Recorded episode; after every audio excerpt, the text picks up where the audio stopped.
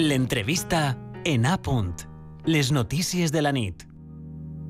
No cesará este rayo que me habita el corazón de exasperadas fieras y de fraguas coléricas y herreras. I en les notícies de la nit, amb el rayo que no cesa, en versió de Gremio DC, volem avui parar-nos a conèixer un poc més la figura del poeta oriolà Miguel Hernández. Dilluns, 28 de març, es commemoraven els 80 anys de la seva mort, l'any 1942. Només tenia 31 anys quan va morir empresonat en el reformatori d'adults d'Alacant. Durant els 31 anys que va viure, va publicar moltes obres, però la seva mm, obra més extensa se sap ara. I una de les persones que més sap de, de l'obra de Miguel Hernández és la catedràtica de literatura hispanoamericana de la Universitat d'Alacant, Carmen Alemanya, Vall. Entre els llibres que ha publicat està Miguel Hernández, El desafío de la escritura, el proceso de creación de la poesía hernandiana, al 2013. Però, a més, ha antologat i editat obres de Miguel Hernández, especialment de l'edició de l'obra completa de Miguel Hernández amb Agustín Sánchez Vidal i José Carlos Rovira i està mm, a punt de publicar un nou llibre sobre el conegut com a poeta del poble. Dades només referides a aquesta temàtica perquè el currículum de Carmen Alemany i els seus coneixements són molt més extensos. Però avui ens centrem en això i li donem la bona nit. Eh, Carmen, què tal? Bona nit. Molt Un bona plaer nit. parlar amb tu. Igualment. Estos dies s'han programat moltíssims actes per a recordar la figura de Miguel Hernández. De fet, dilluns eh, va participar a la Universitat de Zúrich en el congrés Un rayo que no cesa, la autorreflexión de la poesia de Miguel Hernández, un homenatge amb motiu d'eixe 80 aniversari de, de la mort del poeta. Allí va presentar el treball Reflexiones metapoéticas en esbozos inéditos de Miguel Hernández, un títol molt teòric i alhora poètic. Però abans de saber sobre què versava aquesta conferència, encara que siga a grans trets, m'agradaria preguntar-li eh, per si considera que els múltiples actes han estat a l'altura del poeta. Jo crec que sí. Eh, la data també és molt significativa perquè són 80 anys i sempre que n'hi ha una data així tan, tan redona eh, i a més sembla, crec que n'hi ha un ressorgiment de la, de la figura de Miguel Hernández, no? I, i clar que sempre es podien fer moltes més coses, però, però em sembla que allò que s'ha fet amb amor al, al poeta és suficient sempre. De fet, eh, la poesia de Miguel Hernández va evolucionar a mesura que Hernández ampliava el seu cercle d'amistats artístiques, les seues lectures i al mateix temps que madurava com a persona. Pensa que passa el mateix amb la presència del poeta en els currículums d'educació obligatòria? És a dir, s'estudia millor ara Miguel Hernández a les aules que pot ser, eh, posem per cas, en els anys 80 o, o 90? Mira, això tindria que dir que, que, que en aquells anys s'estudiava molt més que ara. I Mhm. això pot ser un, un problema i és algo que tinguem que tenir en compte per, a, per al futur, no? Eh, un poeta tan, tan important i tan transcendental crec que, que a més en, en les nostres terres hauria d'estar sempre en el, en el currículum, sempre. Uh -huh. eh, en 2011 va descobrir en l'Arxiu Històric d'Elx 170 textos inèdits escrits per Miguel Hernández. Què se sent quan passa un fet tan extraordinari com eixe? Bueno, és que eh, bueno, la història és un poc, un poc més llarga, no? Perquè eh, jo vaig presentar la meva tesi sobre Miguel Hernández en l'any 92. Uh -huh. Abans, eh, Josefina Manresa, en, en l'any 86, va cedir tota, tota l'obra de, de Miguel Hernández a, a aquest arxiu. I, I eren uns més de mil manuscrits que jo vaig transcriure en el seu moment i que van anar a parar a l'obra completa. Uh -huh. Eh, entre tots aquests manuscrits que jo vaig eh, transcriure, hi havia eh, aquests 170, 170 i algo, que, que són inèdits.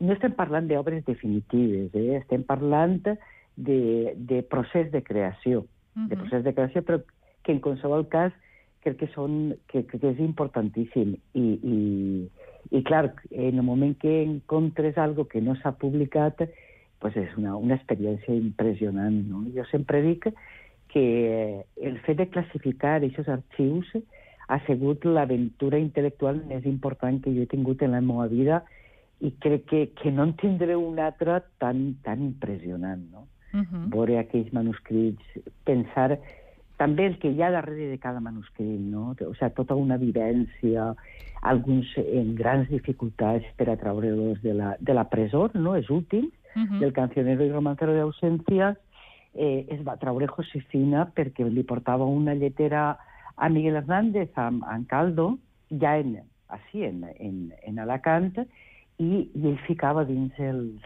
els manuscrits, no? És, o, o veure, o veure en, en paperets, no? escriure els poemes que pertanyen a la part de, del quan ell estava en la presó, no? que mm -hmm. tenia que utilitzar qualsevol tipus de, de paper per escriure. De suport. No, és, és, és impressionant.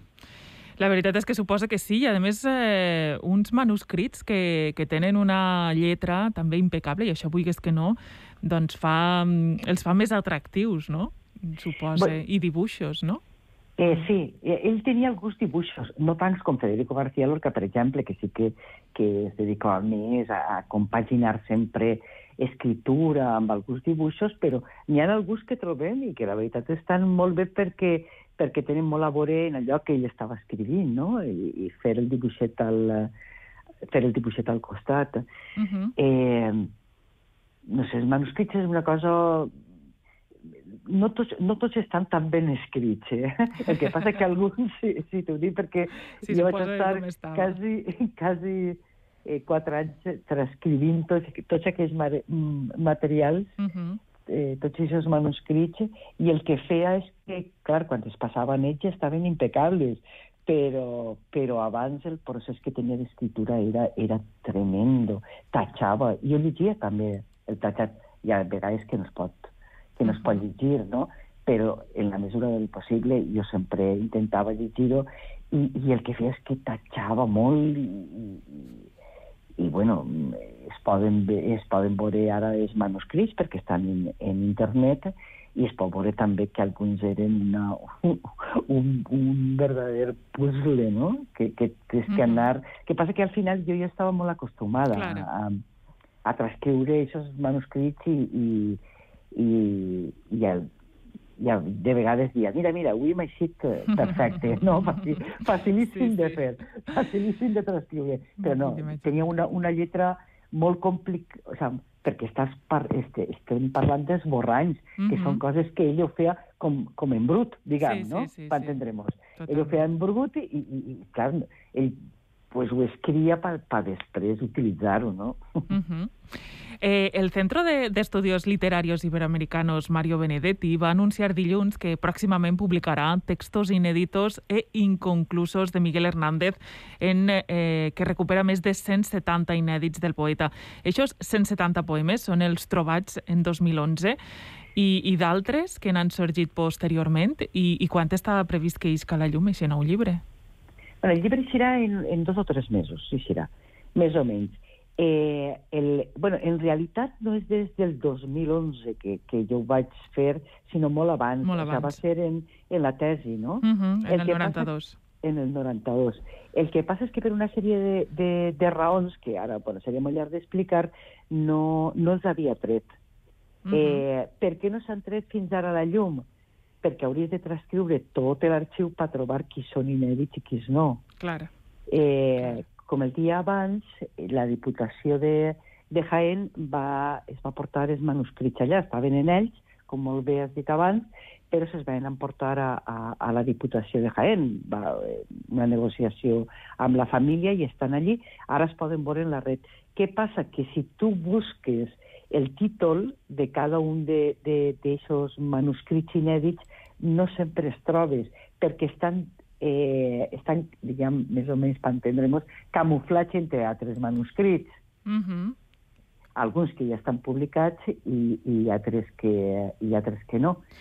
I, I què és el que més destaca, eh, per, a, per a acabar, perquè no tenim massa més temps, sí. eh, què és el que més destaca de la poesia de, de Miguel Hernández, segons eh, una experta com tu? Eh, el, en general, vols dir, no, no en quant als manuscrits, no? Eh, de, de, en general, sí. Perquè... En general, hmm. sí. En general, bueno, jo crec que és una, una poesia universal, perquè Miguel Hernández va, so, va saber tocar la tecla de temes que es incumbixen a tots, no? a tots nosaltres. Està el tema de, de l'amor, està el tema que ell el va desenvolupar en el Rayo que no cessa d'una manera excel·lent, no? Està el tema de la mort, de la mort del seu primer fill, que, que, que apareix en, en el cancionero romancero d'Ausències. Està el tema de també la mort durant la Guerra Civil Espanyola que, que els companys no? del, del, bar, del bando republicà en va estar ell que anaven morint-se. Està el tema de la guerra, que mm, avui tenim en tantíssima actualitat, no? Uh -huh. Està el tema també de la natura, que ell eh, la reflexa d'una manera extraordinària en la primera, en la primera etapa, no? Uh -huh. La de Perito Lunas. Doncs uh, Carmen Alemany Vall, eh, la veritat és que um, ens podríem passar hores parlant uh, i escoltant sobre Miguel Hernández. Moltíssimes gràcies per atendre la telefonada de les notícies de la nit i acostar-nos un poc més la figura de Miguel Hernández. No, moltíssimes gràcies a vosaltres. Jo disposada sempre a parlar de, d'Hernández. Moltes gràcies. Moltes gràcies a tu. Bona nit. Bona nit. Con sangre de cebolla se amamantaba. Pero tu sangre, escarchada de azúcar, cebolla y hambre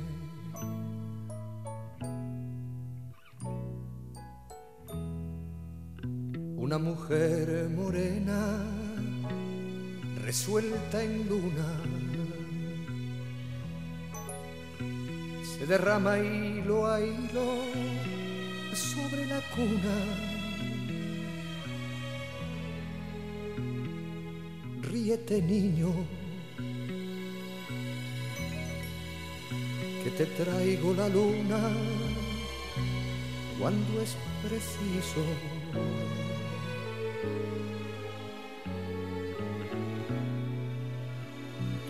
me hace libre, me pone alas.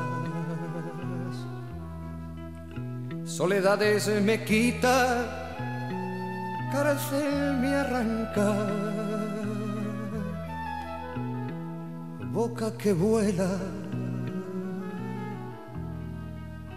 corazón que en tus labios relampaguea.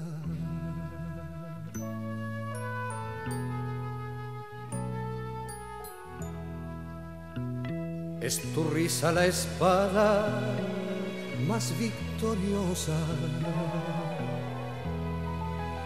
vencedor de las flores y las alondras, rival del sol,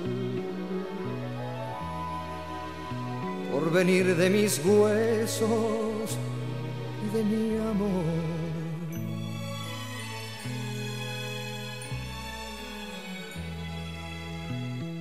Desperté de ser niño, nunca despiertes.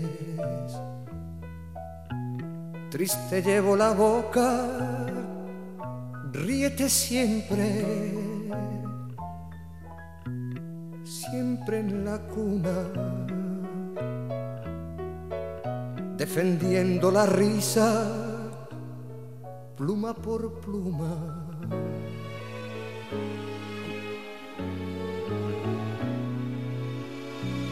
Octavo mes ríes con cinco azares, con cinco diminutas ferocidades, con cinco dientes, como cinco jazmines adolescentes.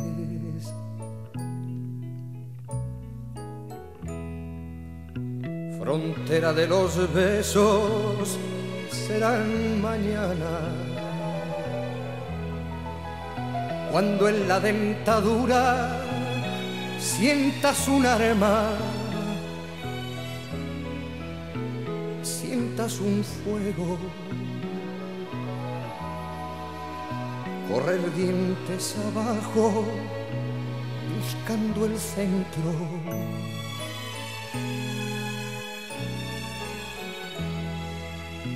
Vuela niño en la doble luna del pecho. El triste de cebolla, tú satisfecho. No te derrumbes no sepas lo que pasa ni lo que ocurre.